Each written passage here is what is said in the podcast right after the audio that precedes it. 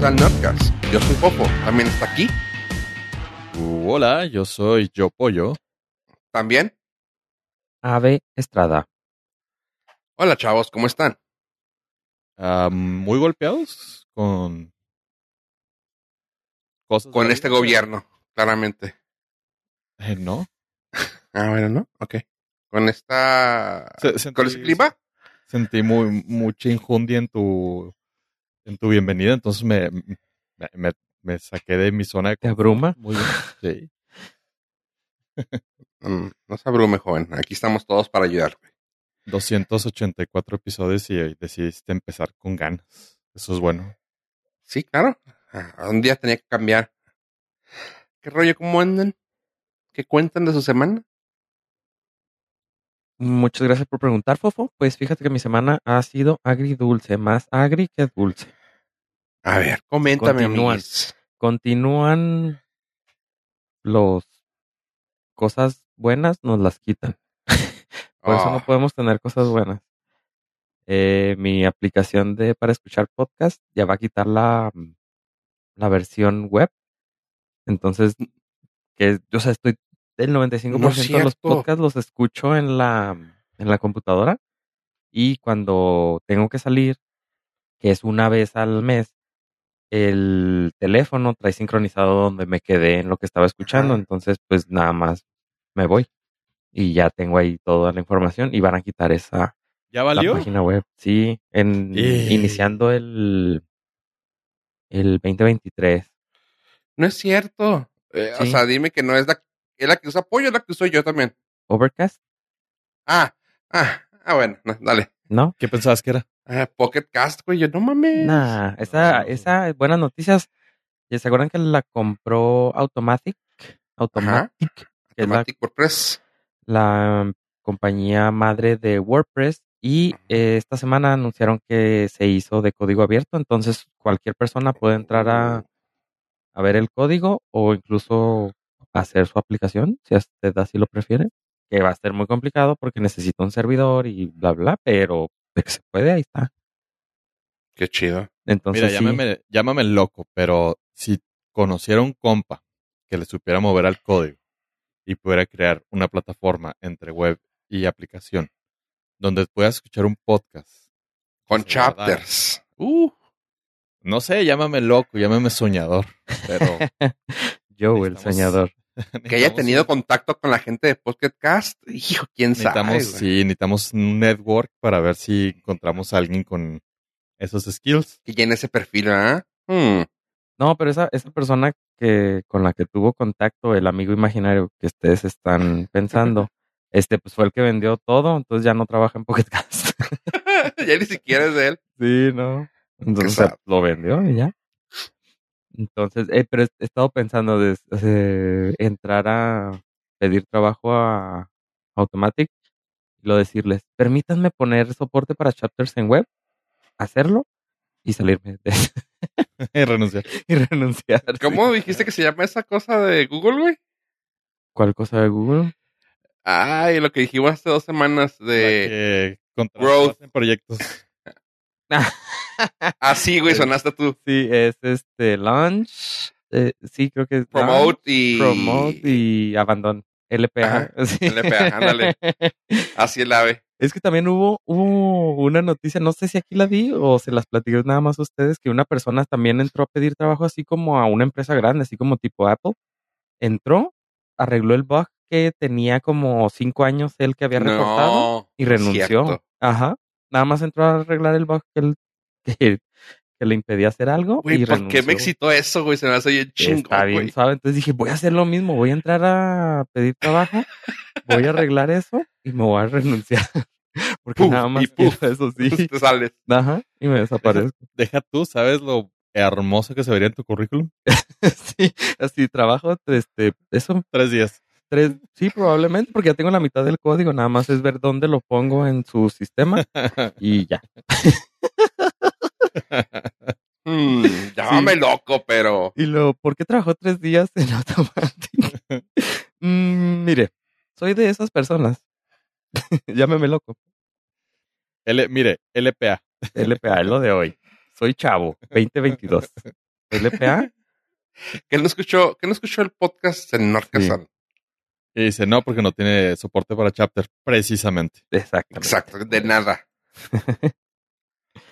Sí, entonces pues es, esa, así empezó mi semana y luego creo que empeoró cuando la noticia de Apple salió a la luz de que también van a aumentar el precio del costo de, de ay, ¿cómo se Apple llama? TV. Apple TV y de Apple Music.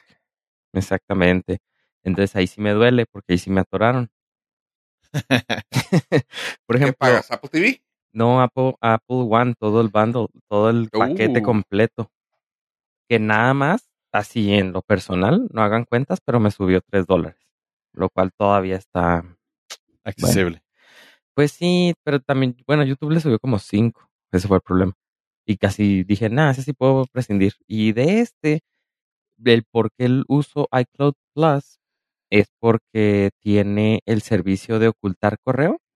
Ese que te genera un correo para cada servicio que tú quieres y es un correo exclusivo. Por ejemplo, si me doy de alta en Twitter, creas un correo y es un correo aleatorio arroba iCloud.com. Entonces lo pones y esos correos te van a estar llegando a tu correo de verdad. Y si por, algún motivo ya deseas no recibir correos de ese servicio, ahí lo puedes eliminar o cancelar o pausar. Eso. Y también que tiene un, nuevo, el servicio de poder utilizar tu dominio para tus correos. Entonces, por ejemplo, si tengo estrada.com, pues mis correos pueden ser abram.estrada.com. Y sí lo estoy usando. Entonces, solamente por esas dos cosas, o sea, el Apple, ¿Apple TV, One? Sí, bueno, hay. Cloud Plus, que creo que sí necesitas hay Apple One. Es que no sé cómo contratarlo. Es que cuando salió eso, yo ya tenía Apple One, entonces no sé cómo contratar a lo mejor en- individualmente esas opciones específicas. 17 pesos al mes. ¿De iCloud Plus? Ajá. ¿Y qué te dan? Ah, Cin- 50 gigas. 50. El primero es 50 gigas, iCloud Power Relay, My Email, Ajá. Custom Email Domain, HomeKit Sec- Secure Video Support for One Camera. Ah, Y luego de ahí se brinca 200 para cinco cámaras. No, pero ¿cuánto era el primero? Creo que era 17, no sé si 17 o 17 dólares. 17 pesos al mes. Pesos, sí, ¿verdad? O sea, es un, un dólar. Ajá. Menos de un dólar. Menos, ¿verdad? Ah. Y Ya tú sé que voy. pagando un chorro. Sí. Bueno, es que, es que yo pagaba por todo el bundle porque incluye mm, Apple Music, Apple TV, Apple Arcade y demás cosillas ahí que ni uso. Entonces, como no pago Spotify ni otro servicio de streaming, 50 gigas, ahí te vaya, hasta aquí el precio. 50 gigas, 17 pesos, 200 gigas, 49 pesos y 2 teras, 179 pesos. pues yo creo que me voy por ahí. Sí, ah, es lo que más te convendría. Oye, y ese Sí. precio es por persona, ¿va? Pues ¿Por cuánto? supongo. O sea, es que, por ejemplo, tú tienes el custom email domain, pero si quieres tener a, la familia o a un Ah, sí. compa y que Sí, diga, es por persona. Ajá. pero puedes usar el mismo. Ah, no sé. Ah, Pero, por ejemplo, como yo tengo el de la familia, ah, que me subió tres dólares, pero pu- creo que puedo agregar, como tengo a cinco, puedes agregar creo que hasta cinco personas en la familia, entonces esos cinco pueden utilizar el dominio que, que es que siento que mucho de tu problema ya lo habíamos platicado fuera del aire. Mm, Creo que uno de tus problemas es que tienen las cosas en inglés. Probablemente. Perdón. Porque al parecer estaba viendo aquí los precios del OnePlus, del Apple One. El familiar está a 200 275 pesos al mes. Ajá. Con cinco, con cinco people. ¿Es comparable a lo que está en, en americano? No, está como seis dólares más barato. Ah, Ahí está. Entonces creo que sí es uno de tus issues. Sí. Que estás muy gringo tú. Sí.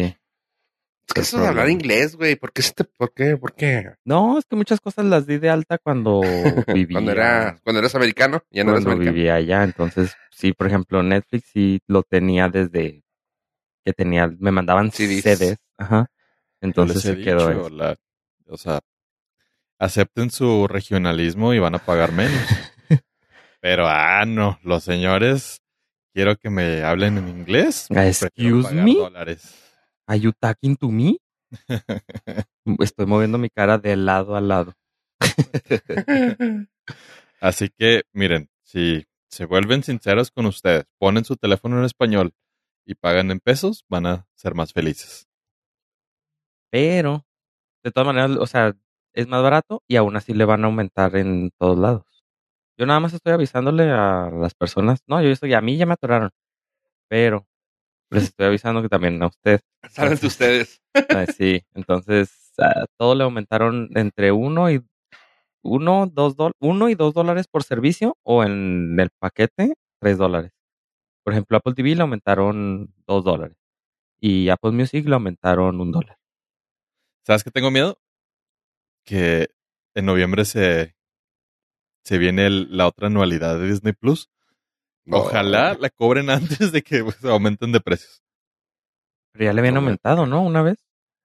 Sí, ya. Eh, Ya, ya la habían aumentado. A mí no me tocó.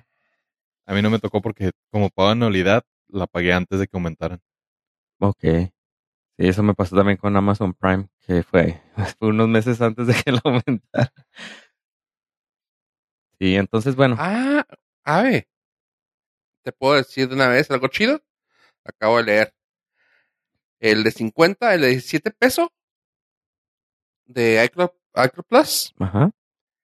Todo lo que te dije de 50 gigas, iCloud Power Relay, Hide My Email, Custom Email Domain, HomeKit Secure Video, Support for One Camera. Y se me olvidó decirte el último renglón. Share everything uh, with up to five family members. Ok. Ah, no manches, pues si por 17 pesos Ah, para toda la es que familia. nada más el, es el iCloud Plus, ¿verdad? No tienes Apple TV Ajá. ni eso. Sí. No, no, no, no. No, Ah, no, es el pues, Suena chido. Oye, está súper bien. Sí, que lo que lo, por ejemplo, Apple Music cuesta individual 11 dólares. Eh, too much. Sí, es, en- es- pero ah, es que también cuando lo usas, ugh. ahora tendría que te- es aguantarme los comerciales en YouTube O, o llámame loco, quemar CDs. descargar mis CDs. Tus Sí. RWs para que los puedas reescribir. utilizar. Pues sí, solamente. Hace poco vi un, un TikTok que me pasaron de una señora que está aferrada a guardar su colección de CDs y lo dice, ya pasó con los viniles, me deshice de ellos y volvieron, no voy a deshacerme de mis CDs. Pero mamá, ¿te puedo bajar esa música? No, porque no sé lo que me gusta. Aquí cuando menos lo veo y ya sé que me gusta. Ah, Y ¿sabes qué? Tiene toda la maldita razón. Sí, pero los. CDs no van a volver. O sea, los el vinil no, sí. Porque se, porque se, se pudren. Eso dijeron. El vinil Eso sí, dijeron. Porque trae, tiene un sonido muy particular, pero el CD es audio digital, entonces... pues, Mira, ¿sabes qué? Eso dijeron de las chamarras de mezclilla y ve. Todos con chamarra de mezclilla hoy en día. Así no que, manches. ¿Neta volvieron a las la- chamarras de mezclilla? sí, güey. Ya están súper in otra vez. Ok. Deja a la doñita en paz. Ella tiene toda la razón. Es más, cuando se les caiga la internet y no tengan para pagar sus datos, le van a estar pidiendo el CD a la doñita para que lo ponga. Eso sí, eso sí. Eso pasa. De que se te va el internet o la luz. O sea, vos pon, luz. pon tú. Es más fácil que se me vaya la luz que el internet. Bueno, pero si te da la luz, bueno, puedes poner una grabadora ahí con pilas. Sí, tu Walkman, Sí. porque ahí ni siquiera tu teléfono va a aguantar. Sí, Entonces, o sea, la señora tiene un punto. sí, sí, pero... Que, se- que sea válido e inteligente, mm, no vamos a discutir eso. Pero tiene un punto. No, no funcionarán, pero es buena idea. Mejor que guarde el, el Jewel Case, güey. Es más fácil, güey, siquiera conocer las rolas. Sí, entonces pues ahí tiene usted, todo está subiendo, nos están quitando ya cosas, están subiendo de precio. Y creo que lo de los podcasts tiene que ver con el mantenimiento de los servidores y creo. Y pues Apple TV y Apple Music, pues porque quieren más dinero. porque no tienen suficiente. Pero qué bueno que me dices lo de iCloud Plus, güey. Sí se me antoja porque pues Sí, tengo ahí algunas cosas. 17 pesos para, compartir. Oye, mo. Sí, está. ¿Y tu respaldito del iPhone? De lo de menos. No, yo sí es lo que más disfruto. Con eso me quité de muchas broncas. Sí, sí está, está chido. Pues ya es un plus eso. Por lo que lo quiere Fofo, claro. Sí, sí, sí. Y este. Ah, y pues para terminar la semana así con broche de oro, tengo otro follow-up de Twitter. ¿Recuerdan aquellos viejos momentos en los que éramos jóvenes y pensábamos que Elon Musk no iba a alcanzar? Bueno, yo pensaba que Elon Musk no iba a poder comprar Twitter. Pues lamento Que informarles. pensábamos que Elon Musk era chido para empezar. Nah, nah, sí. Cuando. O sea, teníamos una sección que se llamaba El- Elon Musk UAA. Sí, es lo que siempre dicen, no conozcas a tus héroes. Y sí, te vas Y se dio a conocer y valió mm, Sí. mucho. Bueno, pues recuerden, para hacer un recap de lo que sucedió, eh, Elon Musk se compró como 9.2% de acciones de Twitter, entró al consejo, quería cambiar unas cosas, no lo dejaron, duró un día, salió, luego dijo al siguiente, como la siguiente semana, quiero comprar Twitter por una cantidad mayor a la que vale, con un, Exorbitante. un precio de meme y luego se- Twitter dijo cómpranos, luego él dijo mejor no, me arrepentí, luego Twitter dijo ah sí, pues te voy a acusar con mi mamá, lo acusaron con su mamá y la mamá le dijo a, Elon Musk si no pagas, si no compras Twitter tienes que pagar un, dos mil millones de dólares y él dijo no, no, no, deme unos 15 días y llegaron esos 15 días y el día de la grabación, 28 de octubre, era el último día que tenía Elon Musk para comprar Twitter y lo logró. Lo compró Twitter. Compró Twitter, logró conseguir juntar todo el dinero, que eran como 42 mil millones de dólares. De diferentes partes lo consiguió. Préstamos, este, socios, etc, etc, etc. Y el día de hoy ya tomó sus primeras decisiones, corrió al el CEO, CFO y a otro de como de legal, el departamento legal, que fue el que lo mandó, y pues el jefe financiero, al, al director, y empezó con el recorte de cabezas de ingenieros de información de Twitter y el grupo de am, de como de censura o de los que de moderación, grupo, cierto grupo de moderación, cortó cabezas y pues ya, en una semana o 15 días, no recuerdo, sale de el stock de Nueva York el, la, la, el nombre de Twitter, porque ya no es una empresa pública, ya le pertenece a una, a una sola persona, que es Elon Musk, y él decide, o sea, ya no le tiene que dar cuentas a nadie. Lo que él decida se va a hacer, si es más, puede apagar Twitter y ya, quitárselo a la humanidad y ya. Entonces, eso sucedió esta semana y pues hubo muchos comentarios. Ya, por ejemplo, la empresa automotriz GM quitó lo, la publicidad, obviamente porque Elon Musk es el dueño de Tesla, Tesla es competencia de GM y pues GM no le quiere dar dinero al dueño de Tesla, al dueño de su competencia. Entonces empezaron algunas marcas a ya tener pues cierto temor de de las acciones que vaya a tomar Elon Musk y pues van a dar ahora sí ya los pasitos más con cuidado en cuestión de, de publicidad dentro de la plataforma y pues saber qué avalancha se viene. Y eso fue el como terminó mi semana. Su madre.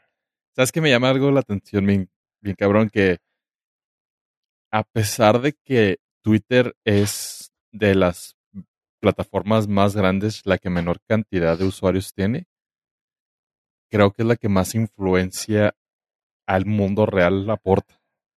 Aunque el, ecos- el ecosistema de usuarios de Twitter sea pequeño, a, a escalas globales, lo que sucede adentro de Twitter sí tiene una repercusión eh, exorbitante.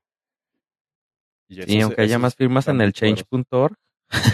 aunque haya más firmas en el chain.org.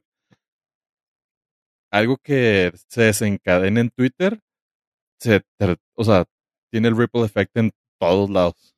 Y Pues sí. está- eso está muy cañón porque pues, es algo que Facebook no tiene, por ejemplo. Sí, la, cul- la cultura de la cancelación nació en Twitter.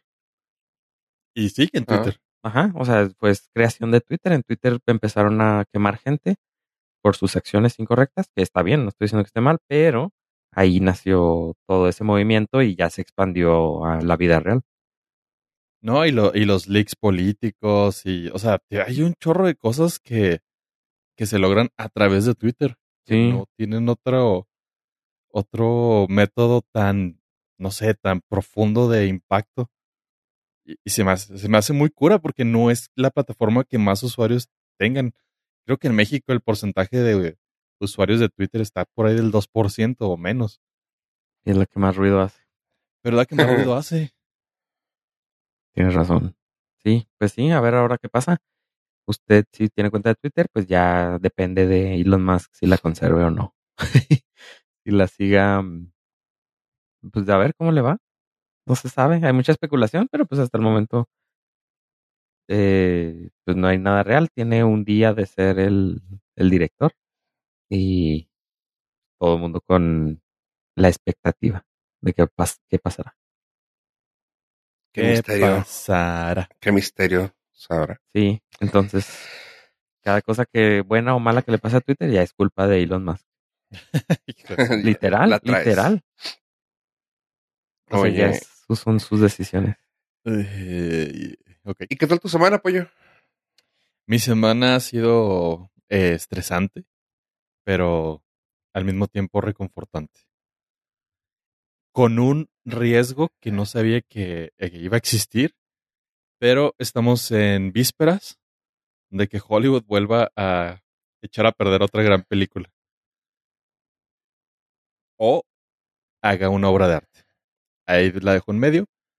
Y es que se anunció que Tom Hanks, nuestro queridísimo Tom Hanks, amadísimo por algunos, odiado por nadie, va a interpretar una película que se llama Un hombre llamado Otto. Y ustedes se preguntarán, ¿pero por qué, pollo? ¿Por qué echar a perder esta gran obra? Bueno, este es un gran, este es un refrito sueco que déjame ver. se llama A Man Called O.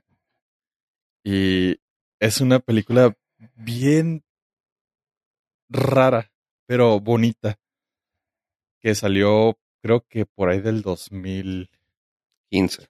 2015. Y ya sabes, galardonada por todas las, este, todos los eventos que te dan blasones y laureles, festivales y demás. Y la película, la, la original, la de Amon Callow, está bien chida y es un viejo gruñón que odia a, todo el- a toda la comunidad, pero se encarga como de vigilarla. Y ahí pasan más cosillas. Curiosamente, esta película la vi en el cine cuando se estrenó. Ok. La, la sueca, por mero random error de la vida. y, hacerle un poquito, este, ahí, al- ahí al, al interesante y al inteligente. Y no, yo puro cine de, de arte. Puro cine internacional. Hollywood está Por sobrevaluado. supuesto. Es muy mainstream Hollywood para mí. Me, me encantaría decir que esa fue la realidad, pero la, la- me acuerdo que había invitado a una persona, pero íbamos a ver otra película, obviamente súper comercial. Pero Para mí. me equivoqué de horario. Entonces, muy este veloz y pronto, dije, no, es que sabes que me recomendaron mucho esta película y queríamos, quería ver si te interesaba verla. La crítica internacional la ha estado recomendando. Me las, me las saqué de la manga durísimo. No tenía ni la menor idea que estaba entrando a ver. Pero no iba, no iba a admitir que le había fallado como por dos horas al cine. Y no es mala, dice que tiene 7.7. No, es muy buena, güey. Salí bien contento del cine, güey. Es muy buena película, güey. Ah. Si este, fake it until you make it. Y así lo hice, así lo hice. No es, no, es un error. Eh, si tienen oportunidad de ver la, la versión sueca, está bien chida, está bien bonita. Habla acerca de ahí también tienen cómo ayudar a una familia de inmigrantes. Y aquí es donde, ay, sí, me da un poquito de, de qué, porque pues ya no va a ser error que entre al cine a ver la de Tom Hanks. Voy a ir. Pero aparte Tom, Tom Hanks es tu, Sí, es, es- es tu homeboy, ¿verdad? es mi homeboy, sí, yo sí, este, aprecio todo lo que él hace. Y esta película, o sea, sí está para él, sí se la puede aventar chido. Él no sería el problema, pero sí me da miedo que la, la suavicen demasiado para el mercado americano. La pueden, si tienen ganas, la pueden comprar en Apple TV por 39 pesos o rentar en Amazon por 40 pesos. También está en Cine, ¿cómo se llama? Cine, ¿cómo? Cinepolis Click, Click. por 40 pesos. Ok. La sueca. Así es, porque todavía no sale la... Sí, la otra se estrena hasta el 13 de enero del 2023. Sí, dudo que podamos ver esa todavía. Mira, querer es poder. Conozco dos, tres personas, somos, estamos a 6 grados de separación de Tom Hanks, pero no es el punto. Ver, como dos. Hay como dos. Mm, un- tres, yo creo. Tres seguro. Tres, yo, yo creo que yo también estoy como a tres. Sí, sí lograría. Si le rascas, sí, tres. Sí, sí, sí, bronca. Sí. Uno, dos, tres. Sí, sí. ese, es, eh, ese fue mi mayor problema esta semana. Mi problema fue saber que iba a haber un remake muy americanizado de una película que fue un grato descubrimiento por azares del destino en mi vida. No, y dicen que el libro, o sea, si las películas les gustó, el, libro, está, bien mejor. sí. De hecho, es un bestseller, güey.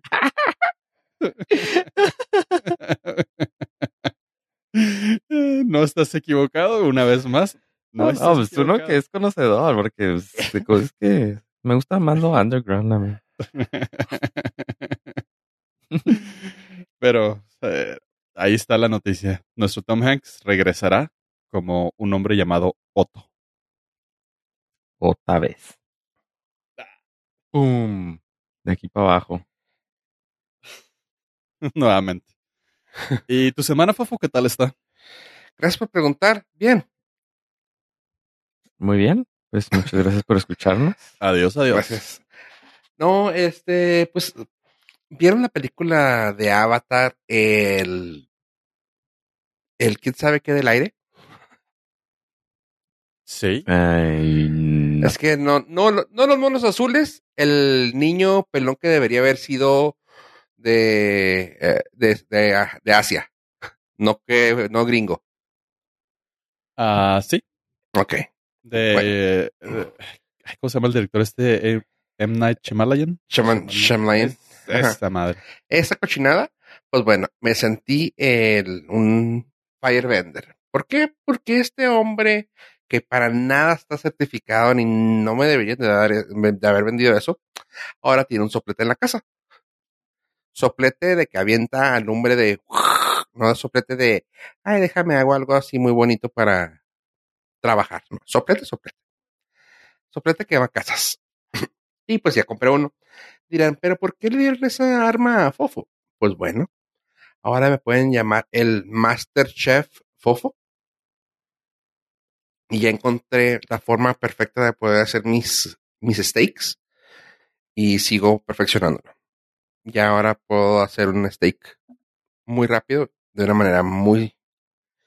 Ah, quiero, quiero decir sencilla, pero vamos a decirlo práctica. Porque no es sencillo, pues toma casi dos horas. Pero si quieres comer en la tarde, que tú digas, mañana quiero comer steak, a la hora que lo dices, te estás comiendo steak a la perfección. Y todo gracias a Mercado Libre. Ok. ¿Por qué venden esas, por qué venden esas cosas? ¿Quién sabe? Eh, ok, van a decir, a ver, Fofo, ¿qué chingas traes? Pues bueno, resulta que hay una forma de, de cocinar que se llama subid, que es meter comida uh, en inmersión a agua a, a, cierta temperatura fija. Así que, por ejemplo, en el caso de carne, en la temperatura de término medio son ciento, entre 132 y 135 grados. Así que las metes al vacío a esa temperatura por hora y media en adelante, dependiendo del grosor de la carne. Eh, y listo, con eso tienes. Ah, y ya cuando lo sacas, saca, sale hervida. Pero ya, bueno, para eso lo sazonas antes y la metes en una bolsa al vacío, lo, la pones y luego ya cuando sale, sale ya. Soy, soy horrible de decir que sale hervida, pero es la realidad, sale hervida a la perfección y ya no me necesita un sellado. El sellado lo puede hacer al carbón, lo puede hacer en un skillet, lo puede hacer en, en lo que sea. Y hay una forma de hacerlo uh, con directamente con gas para sellarlo. Y fue lo que hice. Así que dije, bueno, vamos a buscar una forma fácil de sellar. Lo había hecho en el carbón y es hacer un desmadre como sea, aunque sea prender siete carbones, es pues prender siete carbones. Eh, y de esta manera es, lo pones una rejilla, el gas lo prendes, listo. Apagas el gas y ya estás comiendo. Y la verdad, chavos, cuando haga una, les los invito. Está muy chida la forma de hacerlo. Ok, yo había visto a Adam Savage hacer el, experimento, el cual le gustaba más. No recuerdo, creo que ese sí fue uno de los favoritos. Sí, eh, la, el único truco de eso es de que la carne tiene que tener cierto grosor. O sea, no puedes así decir, ay, voy a comprar el que está ahí en una carnicería nomás. ¿Qué? Mi chuleta del 7, ¿no? no, no, no, no, no importa la chuleta porque va a salir muy buena. Yo me refiero al grosor. Sí, pues el 7. No, el 7 le puedes pedir de una pulgada si quieres, pero pues va a ser una chacla del 7. Del 7. eh, pero eh, si lo haces en subir, no va a pasar porque lo que haces lo dejas más tiempo. Y así lo logras deshacer. Las proteínas que hacen que esté dura. Está muy chida la forma de hacerlo. Uh, aquí, por ejemplo, lo chingón, lo que se me hace muy interesante es de que puedes pedir, y no es sangronada, una de una pulgada y media, dos, hacerla, y va a salir de término medio de centro a afuera, sin problema alguno no sobrecocinada, no sobre nada, o sea, todo excelente y de una forma de, ¿cómo se llama? De una textura súper blandita, no a punto de que la hayas hecho con, con piña o con papaya, o sea, toda tiene ese, ese bite de carne y está genial. Así que, sí, gracias por preguntar, ya soy todo un Masterchef. Ah, y por cierto, lo que, lo que hice fue de que como vi que utilizaban ese tipo de método de utilizarlo con gas directamente, a mucha gente compra los tanquecitos esos así de, de cocina y ya nomás los sopletean como para hacer los creme brûlée, por ejemplo. Sí, Ajá. Así, de esa. Pero dije, güey, ¿cada cuándo vas a estar comprando esos? O sea, vi los precios en un Home Depot, por ejemplo. No está tan caro. O sea, realmente son como 200 pesos por dos tanquecitos. Y dices tú, oye, pues está bien. Pero haces cuentas y un tanque de los chiquillos de gas de los que pones en un tanque de, en, un calentón, te cuesta llenarlo con 200 pesos. Y es más cantidad. Así que dije yo, pues me compro ese y me mandé a pedir el, el soplete. Porque te digo, todos lo usan así como que muy, muy manual, muy chiquito. Y dije yo, no, vamos, let's go big. Y de esa manera, pues ya tienes todo para eso. Así que sí, nomás el tanque y es soplete grandote. Y... Es como si fuera diseñado para la cocina uno. Y el otro para destruir carros. Lo chido pues, de eso es de que ya te puedes pues, eh, anunciar que este, pones brea en la, los techos. Claro, exactamente. Y hago, y hago tuberías, güey. Ma. Y al final les das un, un steak. Un steak, un pedazo, tengan. Un pedazo de carne. Así es. Hervido. Hervido y sellado. Y sí, queda muy chida, así que sí está muy perro. Y pues ya estuve viendo varias formas de hacer eso. O sea, hay desde, uf, ¿cómo se llama? De mashed potatoes, subid y camarón. No, no, todo, todo se puede cocinar así. Yo, ¡ah! qué bonito. ¿Lo metes en una Ziploc o haces caldito? No, no, no, no, no. Es al vacío, for- a forzosamente. Ah, dos en una Ziploc. No es que no es Ziploc tampoco, pero sí. eh, De la red- o sea, de las que le... ajá, Hay, hay unas que puedes como sacarles el... eso es, ajá, al vacío. Sí, hay una Ziploc que le puedes sacar acá con una, o con un popote, con una. Pero no. Con el, con el agua lo puedes hacer el vacío en la Ziploc. Sí, pero no, no, aquí sí está, sí compré también la maquinita. Compré una maquinita sencilla, pero Ah, Eficiente. ya es, ya es... Ya lo que tú traes ya es todo un kit muy complejo. así es. Y sí, ya es como que te da más ta hincapié a te quererte comprar una máquina de subir. Yo tengo una máquina que hace esa función también, pero una máquina dedicada a, que luego es, odio las máquinas que son de solamente un solo uso. Ya lo he platicado con ustedes. Y este no, este es múltiples chingaderas y lo hace muy bien. Así que dije yo, con esto me quedo. Así No, pues muy productiva tu semana. Con razón traías un sombrero de chef y andabas platicando con un chefcito. Cool. No, realmente se metió, se tenemos una placa aquí, güey, pero no, no, no. Oye, y hablando de comida, nomás les tengo una noticia rapidita. ¿Se acuerdan de la película prohibida animada que se llamaba Sausage Party? Fiesta de salchichas. sí. Barely. Cuando, cuando lo dices así, este, mm, ¿cómo se llama? Eh, lo lees ¿En en voz alta, suena ya más raro que leer. Pues sí, eh, la película Sausage Party es una película muy, pues, que fue en su tiempo muy llamativa, muy incluso controversial, que se encuentra actualmente en Netflix, si la quieren ir a ver, eh, que salió en el 2016. ¿Y por qué fue controversial? Preguntarán. Pues miren, las voces eran de Seth Rogen, James Franco, Jonah Hill, de los compas.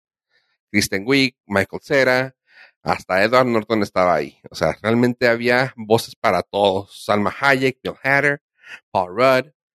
O sea, fue, sí contaron a todos sus compas y dijeron, güey, vénganse para acá, güey. Vamos a hacer una pendejada que nos guste a quien le guste. La película fue vista por mucha gente y fue así de que, güey, no mames, están hechos como para... Están hechos como para marihuanos. Ah, mira qué raro. pues bueno, era comida, comida hablando en un supermercado y se utilizaban todas las, todos los entendres, todos los dobles sentidos que pudieron. Y eso lo hizo muy, muy, muy, muy gracioso. Así que, pues, a Search Party no era para todos, pero ahí está. Y ahora lo que les comento es de que extrañamente nomás está actualmente en Netflix. Sin embargo, ya está practicada el regreso como una serie para Amazon Video Prime llamado Futopía. La, utopía de la comida. Así que se me hace que va a estar bueno. Porque parece ser que va a estar de la mano de, la misma gente. Eh, Futopía va a ser eh, producida, ejecutivamente producida. Es que no sé cómo se puede decir, pero los productores ejecutivos van a ser los escritores, eh, Shafir y Cal Hunter, que también van a servir como, ah, como showrunners. También como ejecutivos va a estar Rogan, Goldberg y James Weaver. En sí, Rogan va a seguir estando ahí como metiendo la mano. Lo cual a mí se me hace chida porque es una caricatura que tenía para hacer más gente reír. No a todos les gustó, pero ahí está. Sí, tiene un humor muy particular. Ujú. Sí, me recuerdo que me dio mucha risa las primeras tres veces que la vi. Ajá. ¿Neta? Y luego se me olvidó ya por completo que existía. Es que sí, es una de esas que puedes verlas. Es que yo también creo que me pasó lo mismo, de que la vi tres, cuatro veces y ya de que no mames, es que ve. Y se te perdían chistes y los veías otra vez y dices, ahí está, mira, sí es cierto este chiste y así. Pero sí fue, el- llega un punto en el que dices tú, "Ah, Realmente es chistosa. Sí, no, Ahorita no la, pongo, muy la pongo otra vez y ya. No es muy rewatchable, pero es muy entretenida cuando la ves por primera Mm. vez. Sobre todo cuando la ves con alguien que no la ha visto. Sí, Tiene ese efecto de, güey, güey, güey, guacha, guacha, guacha. Es como los videos de, de iniciación y novatada que ponía Fofo en el trabajo. Eh, Es muy divertido verlos una vez, después es muy asqueroso, pero después es muy divertido verlos con alguien que no lo ha visto. exactamente, sí. Ver la reacción. Exactamente. Oye. Y luego, pues eso fue de una caricatura que puede que les guste a algunos, pero ahora otra caricatura que puede que le guste a otros. Pollo, coméntame. Híjole, no, esta, discúlpame, pero esto no es una caricatura, esto es una obra de arte. Chavos, chavos, chavos. Disney Plus. Por eso pago la anualidad. Aunque me la Eh, suban. Si no importa que la suban, la voy a volver a pagar por lo que viene. Es la serie animada de las colas de los Jedi o A Jedi's Tale. Tales of Jedi, perdón. Ok, nada que ver. Este Tales of Jedi. De está- Jedi. Está, está brutal. Son seis cortos, 15 minuticos, que en realidad son como 11 por los créditos. Pero nuevamente vemos la mano creativa, productora, evangelizadora de Dave Filoni. Y se nota muy, muy cabrón. ¿Quién es ese? Dave Filoni, el de los malvaviscos. Ok. está detrás de todo. Nos cuentan pequeñísimas historias muy condensadas, muy bonitas, pero que dan un contexto a las precuelas que son brutales. Eh, estaba platicando con mi carnal el otro día porque saludos al- a mi bro, por cierto, que odió Andor porque se le hace muy aburrida. Y dije, es que, güey, es que sí, o sea, Andor no es piu piu y eh, fuerza y sables láser. Es todo un desmadre sociopolítico, económico, cultural. Le Digo, es básicamente América Latina llevado al espacio. Y el vato así, ah, sí, pero está medio aburrido. Y yo, ok. O sea, sí te compro que, que no es el Star Wars tradicional. Y entiendo por qué la gente, un sector de la población la está odiando. Porque pues no es, no es, no son los espadazos de fantasía. Aquí hay más un Espadazos. contexto de. Sí, aquí hay un contexto muchísimo más profundo y más maduro. Que era la idea de George Lucas con los, con las precuelas. De meter política y de meter economía y de meter este, no sé, muchos aspectos ya de, de gente que le gusta ir al SAT por diversión.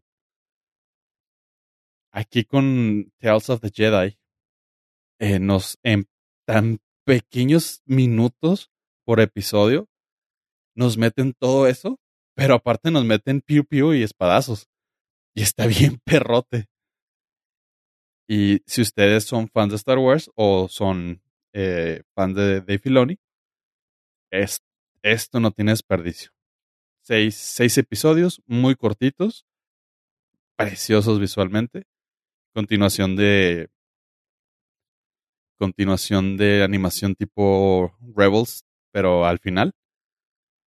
Y nos narran un poquito la historia de Ahsoka, nuevamente, y de el cómo y por qué Count Dooku, que es el maestro de Qui-Gon Jinn, que es el maestro de Obi-Wan, que es el maestro de Anakin. Ah. Sí, sí, para que me entiendan, pues. Sí, claro, claro, poniendo todo el contexto. Este juega ese papel tan vital acerca de la decadencia de los Jedi. Y eso está bien perrote. Cómo, cómo te muestran esa parte donde los buenos no son tan buenos como, como todo el mundo pensábamos que eran. Y las falencias que tenían los seres más chingones y inteligentes del- de la galaxia. Los guardianes de la paz, que se habían vuelto simplemente unos... ah, pues unos guardaespaldas de de la oligarquía del, del, del espacio. Y dices, ay, güey, o sea, sí está, pues está chido, está chido ver cómo a los Jedi, el, de que ellos mismos se creían los, los guardianes de la paz, pues en realidad nada más eran unos bullies de, de los empresarios. Y madreaban gente y oprimían pueblos. Y dices, güey, o sea, sí está cabrón. Y eh, eso te lo ponen en contexto en esos seis episodios súper chiquitos. Y el último, hijo de su madre, tiene una batalla de Piu Piu Pau, Pau con sables láser que la amé, cabrón. Entonces, mi recomendación, las colas de los Jedi, 10 de 10. Ok. Sí, yo creo un día de estos me la aviento. Sí, se ve chido. Sabes que es, es hasta, como les digo, son 11 minutitos en realidad lo que dure cada episodio. Ah, neta, no, no, Sí. ni siquiera vi. O sea, nada más lo vi anunciado, pero no vi cuánto duraba. Ah, de haber sabido si la alcanzaba a ver hoy. 11 minutitos porque pues, entre el, in- el intro y el outro se van los 15. ok, ok. pero dura 11 minutitos y están súper bonitos, condensados, súper bonitos, elaborados. Los pequeños arcos son pequeños, pero sí hay. Y, o sea, tiene todo. Cada episodio se mantiene por sí solo, pero sí hay secuencia. Ok. Entonces, es, es sumamente recomendado para aquellos que les gusta Star Wars. Y sumamente recomendados para aquellos que odiaron Andor. Nice. O- pues no, a mí sí me terminó gustando Andor. Está chida, a mí también se me Eso sonó como rima. También me gustan Andor. Me gustan Andor. Perdón. Gustando Andor. Sí, Y bueno, ya- gustando. Aprovechando que estamos en la compañía del ratón. Chavos, follow up. El señor Disney nos escucha. Ah, Claramente. Mickey. Es fan del Norcas, por favor. Y escuchó que yo, Pollo, su embajador más grande de la frontera, que tiene, que tiene una sección dedicada a ellos, gratuitamente, aunque me paguen, estaba teniendo problemas para ver legalmente Doctor Who, dijo, no se preocupen más. Vamos a quitarle ese. Ajá, vamos a quitarle ese problema de las manos a nuestro embajador y vamos a adquirir los derechos de Doctor Who a nivel internacional, fuera de Irlanda, Escocia e Inglaterra, que ahí los maneja la BBC. ok. Fuera de eso, Worldwide, Disney Plus acaba de adquirir los derechos de retransmisión de Doctor Who. Por lo cual, problema, ya no hay problema. Bueno, sí uno, que va a ser hasta noviembre del 2023. Ah, bueno, en un año. un añito en lo que se terminan los contratos, pero ya está ahí. Vamos a tener... ah, sí, se me hizo chida porque vamos a tener más, ah, no sé, como una mayor difusión. Creo que Disney Plus va a ser una muchísimo, un mejor vehículo para que otra vez se vuelva a repopularizar Doctor Who a nivel mundial. Y deje de ser, no sé si sea de nicho, pero yo creo que sí. Sí consideraría que Doctor Who, por lo menos en este lado del mundo, sí es muy de nicho. Está muy raro, ¿no? Porque sabemos que creció muchísimo hace unos cinco años, seis años. Sabes que más, un poquito sí, más, como unos ¿no? ocho años. No, sí, como unos ocho años, ocho o nueve años. Y creció bastante. O sea, no te voy a decir que fue el putazo de, de Breaking Bad, pero creció muchísimo. O sea, al punto de decir, de sentirte que eras así como que el rarito de tu cuadra y ahora como que, ah, cabrón, mira, hay esta gente viendo también esta madre. Y sigue siendo el rarito de tu cuadra, pero el simple hecho de que venga a una plataforma tan grande puede ser ese cambio que tú dices, ojalá. Sabes que yo creo que no estuvo ahí. O sea, fue un nicho muy escandaloso, pero fue un nicho muy pequeño. Aún, aún con todo el boom que hubo en Estados Unidos. Porque la gran mayoría desconocen a, todavía siquiera que es Doctor Who. Pero el, Sí, nicho, sí, sí. el nicho es, o sea, es escandaloso, es muy escandaloso. Cuando hicieron un día aquí de Doctor Who, se puso hasta la madre. O sea, sí Había entiendo lo que dices. de personas. Cien- no, no, güey, sí había, no, sí había, de, creo que había alrededor de 800, 900 personas. O sea, sí había un, un buen de gente, pero, como, pero sí, o sea, no es, insisto, no es un Breaking Bad. No es algo No, así no, que te. No, no es un Game of Thrones, no Ajá. es un. O sea, no tiene, no, no tiene, no, definitivamente no tiene ese, ese alcance a nivel mundial. Ah, pero no me la hagas tan, tan pobre tampoco. No, es que es al contrario, es lo chido. O sea, es una serie que, que a pesar de ser tan de nicho, está muy incrustada en la cultura popular y tiene su lugar en, en la historia. Y creo que Disney sí puede aportar bastante para lograr mm, popularizarlo muchísimo más. Porque el gran problema de, de Doctor Who es que no lo puedes pinches ver en ningún lado de manera legal o sencilla. Y eso pues no está chido. No solamente en México, también he visto varios foros que en Latinoamérica es igual. Y pues eventualmente ya estamos en la, en la etapa donde si algo se te complica, pues ya simplemente lo abandonas. Mm. Porque tienes demasiadas opciones hoy en día de entretenimiento.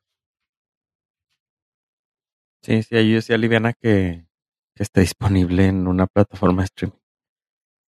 Tendría que ser muy extremadamente bueno, tipo Game of Thrones. Ajá. O sea, Y ten- no sí tendría es. que tener un hype así enorme que siento que para la temporada que van, pues si ya no lo tuvo, muy, está muy difícil que lo tenga. Sí, es que sí está difícil, sí está difícil entrarle, o sea, porque por ejemplo, para al menos yo y a la gente que tuve que jalar para que la viera, creo que apoyo fue de que yo le dije, no me hizo caso y luego le hizo caso a alguien más y ahí sí lo mamó, pero no importa. Pero tiene algo que es de, tengo que explicarte por qué está bueno, güey. Y eso no lo- Y eso no está chido. Sí, lo tuyo es por principio, güey, entonces no lo tomes personal. Ah, ok. Sí, pero tiene, tiene eso de que tienes que explicar a la gente por qué está buena. Ya la gente que lo ve, lo asimila y dice, ah, mira. Y pues tú lo venderás como Es que tiene, es, no sé cómo explicarlo, pero tiene eso. O sea, no es, sí es buena, pero sí requiere que tengas la mente un poco más abierta, porque si la ves nomás así, dices tú, ¿y esta porquería qué? Pero Mira. it grows on you. Las veces que la he tenido que vender y ha pegado, el disclaimer que siempre tengo que dar es, tienes que aguantar la primera temporada completa. O sea, no la sueltes. Te garantizo que vale la pena, pero toda la primera temporada le tienes que dar todas las concesiones del mundo. Todas. Visuales, de tecnología, o sea, todo, todo, todo. La historia te va a atrapar, pero tienes que aguantar una temporada completa. Es como Breaking Bad. Ajá, ándale. Pero bueno, qué bueno, qué bueno que está. Yo sí, yo sí estoy emocionado de que vuelvan a cobrarme la anualidad. Así que, pues a ver qué pasa. Oye, y así nomás como noticia, no le iba a mencionar, pero como estamos en Disney Plus, Hugh Jackman dijo, ay, creo que la regué porque me, porque dije que ya no iba a ser de Wolverine. Que dijo que después de ver uh, Deadpool 2, dijo, ah, se me hace que quedaría bien chida yo ahí. Y luego la compró Disney y dijo, ay, se me hace que mi cheque quedaría bien chido ahí. Y ya, ahí está. Ahora ya por eso regresó. Hicieron una entrevista y dijo eso. Así que después de que, ah, qué chido. También había comentado algo que Ryan Reynolds ya se había resignado, ¿no? Que ya le había dejado de insistir. Ajá, sí, sí, sí. Pero lo interesante es de eso, o sea, de que, pues, ya dijo, ah, creo que sí, sí debería haberme quedado un ratito más a ver qué pasaba. Pero también al mismo tiempo que, que bueno que no, porque también le hubieran hecho hacer una marranada que no hubiera estado tan chida, cosa que terminó una ser- la serie de Logan súper bien. Así que creo que sí hizo bien, sí hizo bien. Ay, no sé, no creo que Ryan Reynolds le hubiera permitido hacer una marranada. No, no, no, o sea, antes de eso, o sea, antes de que cualquier cosa. Si, lo, si no hubiera hecho Logan, probablemente hubiera hecho otra babosada y así. Ah, Así pues hubiera que- salido en las X-Men, las últimas 45 las o algo. esas horribles. Oye, y algo que me interesó esta semana también fue ¿qué desastre está haciendo HBO? Bueno, ¿quién? Discovery. Discovery Max Bo. Es- Esa, esa cochinada. Este, pues trae a todos los de Warner Brothers temblando y está horrible lo que están haciendo con todo, con toda la, el personal, ¿no? O sea, lo tienen como en ascos a todos pensando a ver qué van a hacer, qué van a mover, qué van a, y eso se me hace bien gacho porque, pues no tiene nada de credibilidad ahorita en el estudio de, de Warner. O sea, realmente nada. O sea, todas las fechas que dijeron para algunas cosas es de, y vemos. Y está bien gacho eso. Pues bueno, resulta que hace unos semanas eh, se bajó el head, el cabecilla de DC. Y dijo, ¿saben qué? Pues ahí les dejo el changarro, eh, no tienen para dónde, adiós, adiós. Y, una, y el primer movimiento que ha hecho Bomax y Discovery inteligente fue decir, hmm, ¿cuál película nos ha funcionado después de Christopher Nolan? Ah, ¿sabes qué? La de Suicide Squad que hizo el Jaime Pistolas. ¿Qué te parecería si le hablamos a él y alguien ahí como que le eche paro? Pues sí, vea, vamos a hablarle. Le hablaron, concretaron, y ahora James Gunn y Peter Safran son los Kevin Feige de DC. Y esta noticia me brinda mucho orgullo, mucha felicidad a mi corazón. pues resulta que, pues sabemos que James Gunn es fan de los cómics, ha hecho de lo, pues de lo, sí, de lo mejor que ha podido hacer, o sea, tanto con Peacemaker como Suicide Squad, ha hecho de lo más watchable de DC, ya ahora con Black Adam también. Eh, y pues de la mano de Peter Safran, quien también ha sido uno de sus productores en muchos proyectos, como que dijo, ah, güey, este güey, pues me dieron este jale, güey, ¿le entras? Arre. Este vato lo ha apoyado en muchos de sus proyectos a James Gunn. Ha, producido películas como Annabelle, mucho, mucho terror. Annabelle, The Conjuring, uh, Belko Experiment, uh, La Moja, pero también muchos de DC ya. O sea, ya le ha metido la manita un poquito a poquito. Ha producido también Aquaman, Shazam, uh, The Suicide Squad y la de Blue Beetle, que ahorita está también trabajándose. Así que este vato trae ganas de jalar junto con su BFF, el señor Jaime Pistolas. Y yo estoy totalmente in con esa noticia. Sí, se me hizo bien bonito que Jaime Pistolas dijo a la primera persona que le avisé fue Kevin Feige. Yo, ah, qué chido. Sí, pues sí. Entonces, chingón. hoy más que nunca está eh, el crossover. Posible el crossover entre, entre los superhéroes. Eso estaría genial. Goku, Superman y. Jackie Chan. Oh, cállate. Hombre, y Van Damme por ahí. Uh. No, ya, ya, ya, ya. Y los Almada. Pero y, y Lizzie Ah. no, no más porque sí. Sí, yo es que pensé que estábamos hablando de las personas que nos gustaban. Ah, pues sí. Ya no, yo ya dije Ryan Reynolds hace ratito. A lo mejor podría ser el, no sé, como que el último boost para atraernos a las películas de superhéroes. Como que ya el, el último. De DC. No, no, o sea, en general, un DC versus Marvel. Ah, Como sí. que, ah, sí, ya hemos visto 78 mil películas. Con esto cerramos. Sí, órale, va. No, hombre, cerramos, dice el otro. O sea, como espectadores, obviamente. Ah, ok, ellos, ok. ellos, pues podrán seguir haciendo películas, pero ya no, no significa que las tengas que ver. Otra, otra noticia, pollo, que a ti te puede gustar, porque sé que eres todo un teatrero. Es la, la entrega de la obra Wicked a, a la pantalla grande. Estoy ahí. ¿Ok? Pues bueno, resulta que ahora uh, ya hay pláticas muy, muy aterrizadas con Jeff Goldblum para hacer la de El Mago de Oz para las, para ambas películas de Wicked. Y yo estoy más ahí que antes. O sea, era así como que, sí, sí, voy a verlas, claro que sí. Y lo que dijeron, no, este güey de, de, de Oz, dije yo, ok. You got me a hello. Así que, nomás, esa era una noticia rapidita que se me hacía algo chidito. Y pues sí le entro. Ahora sí, quiero primero poner todo lo serio que me lo eches, pollo. Échame lo serio encima, güey. ¿Tienes? Sería la primera vez. No, no, claro que no. Así que, por favor. ¿Es donde está? Ah, ok, sí, es un link, link veloz, así que sí, échalo, pollo, por favor. Eh, muy bien.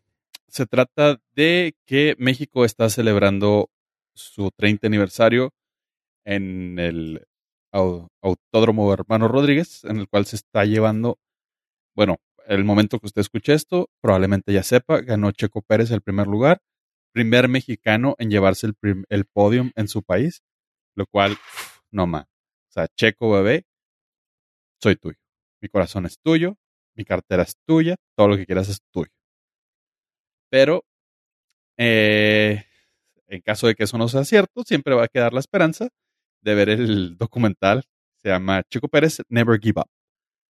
Ese documental está producido por Claro Video, Claro Sports y obviamente pues Fundación eh, Carso. Ah, está, está bonito. Me lo aventé. Never give up. Esa es la frase icónica de Checo Pérez, lo cual ha marcado toda su carrera. Checo el día de hoy es el ministro de Defensa, el viejo sabroso, Chequito Bebé. Es el máximo exponente que tenemos a nivel internacional de todos los deportes. Y es un orgullo para todos los mexicanos que esté compitiendo en lo más alto.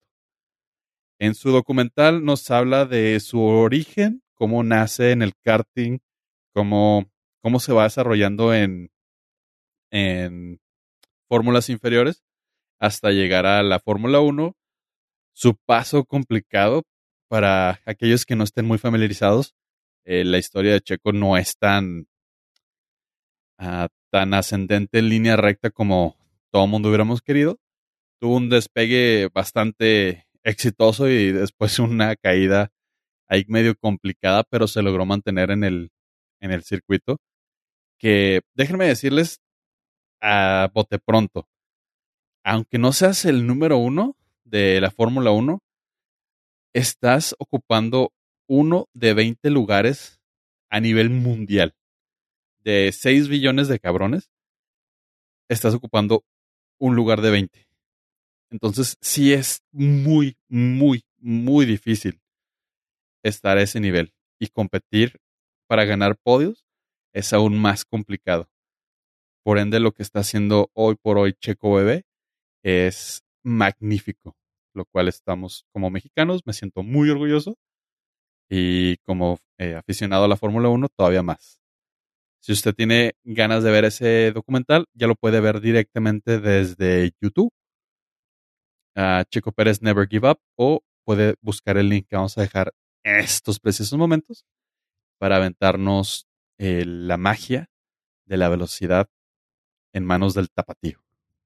¿Ustedes eh, interesados? ¿Ya lo vieron? ¿Cómo el- ¿Qué les pareció? El, eh, ¿Han visto algo del Gran Premio de México?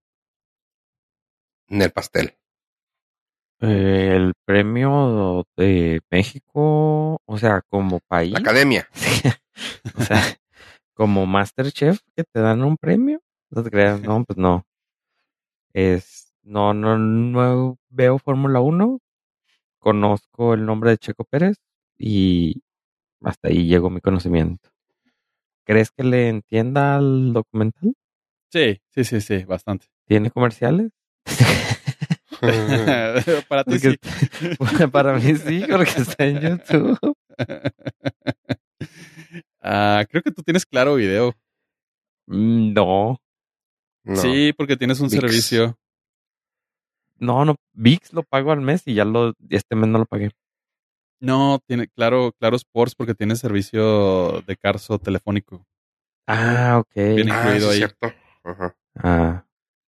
No, pero es que ahí va otra vez lo que platicaba Fofo o tú, que si no está disponible así fácil, eh, mejor no. Entonces está más fácil verlo en YouTube que meterme a hacer una cuenta en Claro Video. creo. Sí, totalmente. Mira, lo de la Fórmula 1, el, do- los documentales de Netflix, bueno, las series documentales Dramedy que hicieron de Drive to Survive, le dieron un impulso brutal a la Fórmula 1. Eh, lo popularizó. Hizo un Disney Plus para Doctor Who, haz de cuenta. para no irnos tan lejos. Porque la Fórmula 1 de este lado del mundo no era tan popular. Es Sí. un deporte europeo por excelencia, especialmente británico. Porque, uff, cómo se la prolongan esos güeyes. Y desde que Netflix le metió mano y lo popularizó, la Fórmula 1 ahora está cada vez más interesada en abrir más premios en Estados Unidos y se especula inclusive un segundo, ah, una segunda carrera, el Gran Premio de Cancún, lo cual estaría Uh. poca madre. No manches, con ese tienes. Sí, sí, sí. Eh, porque pues acá ya está el dinerito, lo que viene siendo la marmaj, el Sí, sí. billetuco. Es un deporte caro de, de- de gente que paga mucho dinero. Exactamente. Y. Pero, pues, es que es, es- sí, es el. O sea, si te gusta el automovilismo, es. No tiene comparación. Porque a diferencia de NASCAR, ah, estos sí dan vuelta a la derecha. NASCAR nada más son vueltas a la Sí les funciona la, Sí, el, el volante. Exactamente. Y como es, pues, es, es, son circuitos entre callejeros y, y de pista, todas las estrategias son diferentes entre cada carrera y sí está muy perrón. Si son, si quieren más o menos y están interesados en, en meterle un poquito, sí aviéntense la primera temporada de Drive to Survive en Netflix, porque sí te despierta el gusanito de querer aprender más. Y está muy bien llevada la serie, la verdad. Las siguientes dos temporadas o tres ya no son tan chidas, pero la primera en particular te da lo suficiente como para querer ver cada vez más de Fórmula 1 ya por tu cuenta Ok. y ver el documental de Chiquito Bebé, el Minister of Defense. ¿El ministro de la reja? De la Defense, pues sí, pues se volvió la reja impenetrable donde Hamilton no pudo pasar en aquella noche velada del... Ok, ok, ok.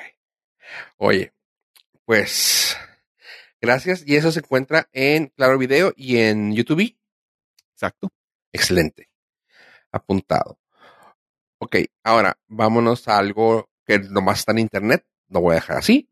Es la película de George Clooney y la señora Julia Roberts. Ticket, to Paradise, una película del 2022.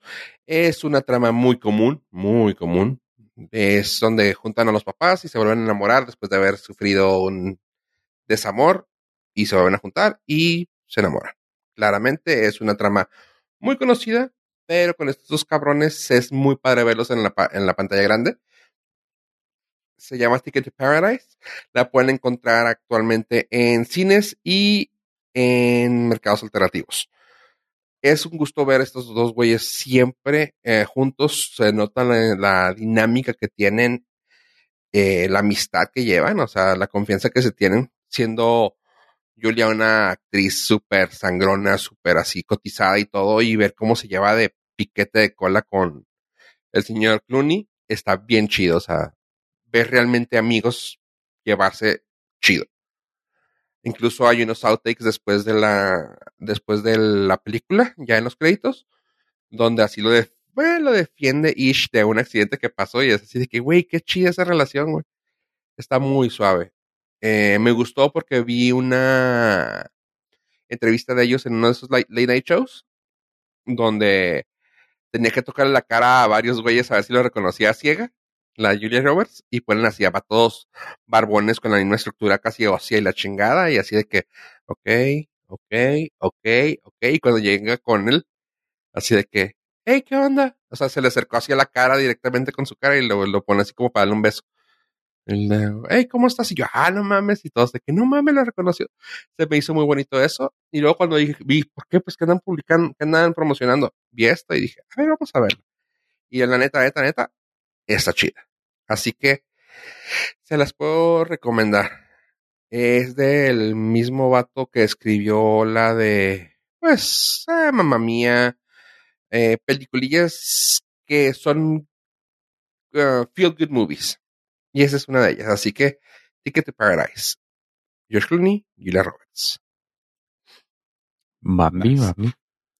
Sí, Tiene palomera. 6.3, sí, palomerota. O sea, 6.3 en IMDb, 56 y 88 en Rotten Tomatoes. Así que eh, está ahí, o sea, Mira, es el tipo de películas, yo creo que por la cual fue el cine, pero le arruiné el horario y terminé viendo otra. ándale. Sí, ándale. Que dijiste, ah, mira, está bien padre. Y lo, ay, la regué de horario. Ajá. Mira, te voy a llevar a ver una comedia romántica y terminé viendo Oh. Ove. Oye. Y ahora, vámonos rápidamente a plataformas. Que esto sé que ya, los que nos escuchan, sé que ya las vieron. Porque es nada más y nada menos de Will Bull, o sea, es Guillermo del Toro. La hora marcada ya la trajo a las grandes masas. Pues ahora hizo lo que quiso y dijo, yo voy a meter mis series de miedo como quiero, como puedo. Así que ahora se armó una serie que se llama El Gabinete de Curiosidades o Cabinet of Curiosities del creador Guillermo del Toro. No trae grandes actores, trae como que uno que otro reparto así de que, ah, qué chida, mira, sale que Mikushi, Rupert Green, Ben Barnes, o sea, trae, y como son ah, antologías, son historias eh, individuales cada una. Luego creo que al final los van a terminar casando y va a ser algo así como que, oh, wow, es todo algo mismo. Pero son antologías, cada historia es diferente y está muy chida. Es totalmente la mente del señor ah, Guillermo del Toro. Y honestamente vale la pena verlos. Ahorita creo que ya llevan los ocho episodios, dos, cuatro. Están sacando dos, dos por semana. Estrenó con dos, la semana pasada soltaron dos, ya son cuatro y, este- y acaban de soltar los sí, ya son. para Cuando estés escuchando esto, que si estás escuchando en el estreno, ya deben de haber ocho. Ah, tiene 7.9 en IMDb, tiene 90% de críticos y 82 de audiencia en Rotten Tomatoes. Está buena. Chequenlo. Los mismos monstruos, del mismo tipo de, de cosa que sí te hacen sentir un poco eerie, o sea, no son jumpscares por así decirlo, porque eso como que no es algo de él, es algo que te haga sentir incómodo. Y de ahí va creciendo el miedo que te, que que te hace este señor. Así que está chido. Y Luego. es como la hora marcada, dices. Ajá, ajá, o sea, son historias independientes. Ah, ok. Es que no entendía, la- o sea, sí sé la relación. Sí, porque pero no acuérdate, acuérdate que. Memo hizo varios episodios de... Bueno, todos, Iñárritu y él y otro, no más. Ok, ok. Pero ahora ya son todos. No sale Pepto Bismol, güey, no te preocupes, no, no, no, no, no es tan mexa. Ok. Pero sí, por eso lo, por eso lo puse. Ah, y ahora vámonos con Amazon Prime Video. Esta serie se las recomiendo así ampliamente. Yo la estoy mega ultra poniendo en un pedestal. Se llama The Periphery o la periferia. Solamente que acá no la, no hay gente marginada. Aquí es gente chida. La, la periferia está en Prime Video. Está, sale eh, Chloe Grace Moretz, que es la persona más famosa del, del cast. Ya de ahí pueden conocer tal vez a Jack Raynor o a Lewis Harper, pero ella es la más famosa. Esta serie es un futuro, eh, quiero decir distópico, pero no. Básicamente es unos cuantos años al futuro, donde ella se encuentra y está jugando juegos de realidad virtual. Le llega uno que resulta que le que la conecta y está en un futuro más a futuro. Vamos a decir que ella está en el 2000 ahorita 2030 y el futuro que ella está se mete en el en realidad virtual es el 2100 unos 70 años después y es así como que órale güey qué chido está padre y como se mete a la realidad virtual es con un nuevo háptica, con una nueva máquina que le hace sentir todo, no se tiene que poner lentes, todo es así como que neural, neural. Pues empieza así como que, güey, está bien raro esto, güey, o sea, siento todo y como que tiene, como que hay peso en lo que haces. Y se da poco a poco cuenta que es un pedo alterno a lo que ella está viviendo y que sí existe ese futuro. Es de los creadores de Westworld, para que más o menos tengan una idea. Está muy, muy perro. este, está manejando una ciencia ficción muy chingona. La verdad, la verdad, creo que es de lo mejor que hay de ciencia ficción a- a la- en la actualidad. Nuevo. Así que vale la pena darle una vista. Tiene 8.4 en IMDB. Tiene 61 de audiencia y 88 de, perdón, 71 de críticos, 88 de audiencia en Rotten Tomatoes. Lo pueden ver en Prime Video. Va en el tercer episodio a cuando está saliendo este podcast. Ok, sí se ve chida esa. Si te la puedes aventar, ave, porque va empezando. O sea, realmente le vas a agarrar la onda. Y en serio, desde el primero te hace, te engancha. O sea, desde, ah, güey, órale. Sí, se, se ve. Escucha suave. Y ahora, algo que no soy fan, pero me agarró y me estrujó. Esto es de la plataforma menos querida de, de varios de aquí, por no decir de pollo. De Star Plus. No. Bueno, de la otra, de la otra. Gracias. Esta es Star Plus. Y esta serie la vi nomás porque salió así de que, ah, mira, porque está aquí. Y es española. La, eso es lo que a mí no me gusta. Casi no me gusta escuchar el acento español. Eh, eh, ¿Gaucho? Sí. es- es- Me perdiste. Gaucho es argentino. Ah, Eh, ah, ah, no, perdón, perdón, perdón. Sí, de hecho, de hecho, eso es argentino. Gracias, gracias, eh, Ah. perdón. De Ah, hecho, me me acabas de, de dar la Sí, me salvaste. Este. Y la neta, la neta, la neta, no esperaba nada. Y es una pinche serie muy, muy. Te amarra, güey. Te agarra, güey. Eh, yo sé que a- así como pollo, yo también dije, no, güey, este tipo de cosas no me va a gustar. Y ves la primicia, los primeros 10 minutos del primer episodio. Para estos son episodios cortos, son de 28 minutos cada uno. Yo los primeros 10 dije, ah, cabrón, ok, vamos a ver a dónde lleva esto. Y así se fueron dos días y los terminé. Está muy chida. El encargado. Ok, esta es una persona ya de unos 60 años que es encargado de un edificio. Es el portero, es el ama de llaves, es el que limpia, es el todo, es el encargado del edificio, vamos.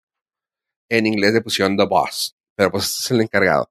Y lo chingón de esto es que se vuelve muy rápido. Una cosa, no te voy a decir incómoda, pero se vuelve muy dark, güey. O sea, empieza a ver el vato cómo hace las cosas a su conveniencia, cómo empieza a espiar, cómo empieza a hacer cosas que luego las vas justificando de una manera que dices tú, ah, ok, ok, ok. Yo para el final del primero estaba como que tratando de justificarlo, pero decía yo, no, es que esto, esto es malo, pero esto es bueno. Y es como que un antihéroe, güey, porque dices tú, no le quiero ir, güey, porque sé que está haciendo mal, pero también los otros están mal, ¿sí ¿me entiendes? Así. Y era una pelea interna mía que yo, güey, es que no debería caerme bien este güey, pero sé que es el mero mero, pero sé que, o sea, sí me gustó. Se me hizo una serie muy buena, de lo mejor que he visto en Star Plus nuevo. Porque realmente creo que nada le he dado, se le he puesto y lo quito. Y esto me sorprendió que algo argentino me llamaba la atención. Y en la neta, neta, neta, sí está chido. Se llama El Encargado. Son 10 episodios, 11 episodios, perdón. 11 episodios de 28 minutos. Se van muy rápido. Y te digo, necesitas ver el primero para decir, le entro. Tiene 8.2 en IMDB.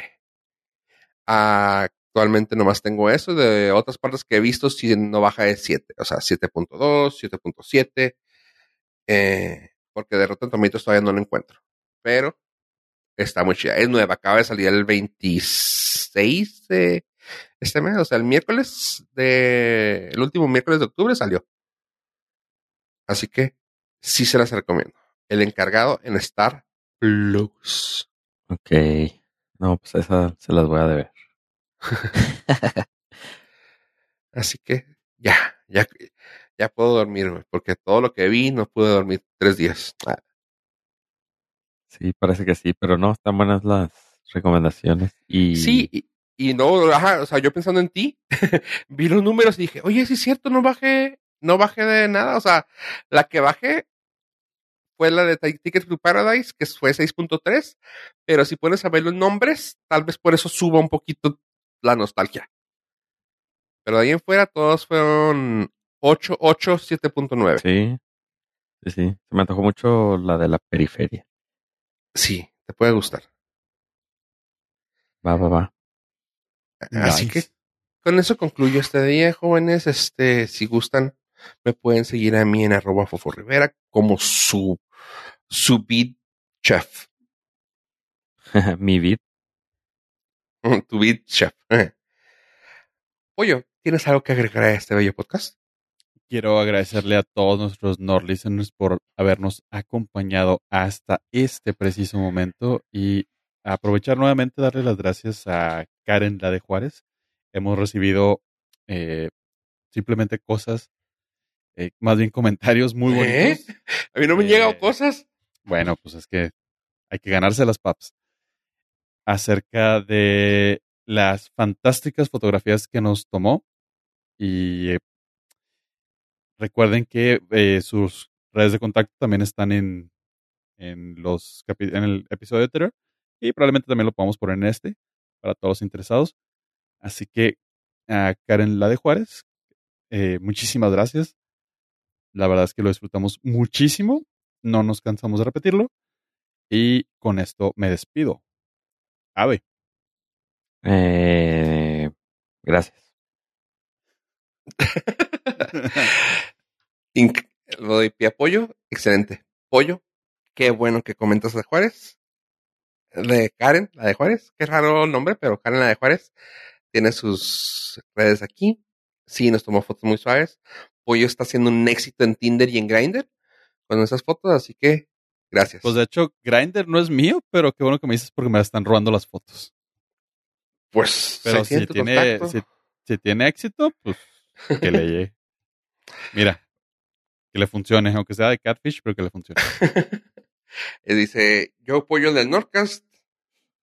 Eso diría alguien que no sería yo, pollo. Eh, bien, buen punto, buen punto.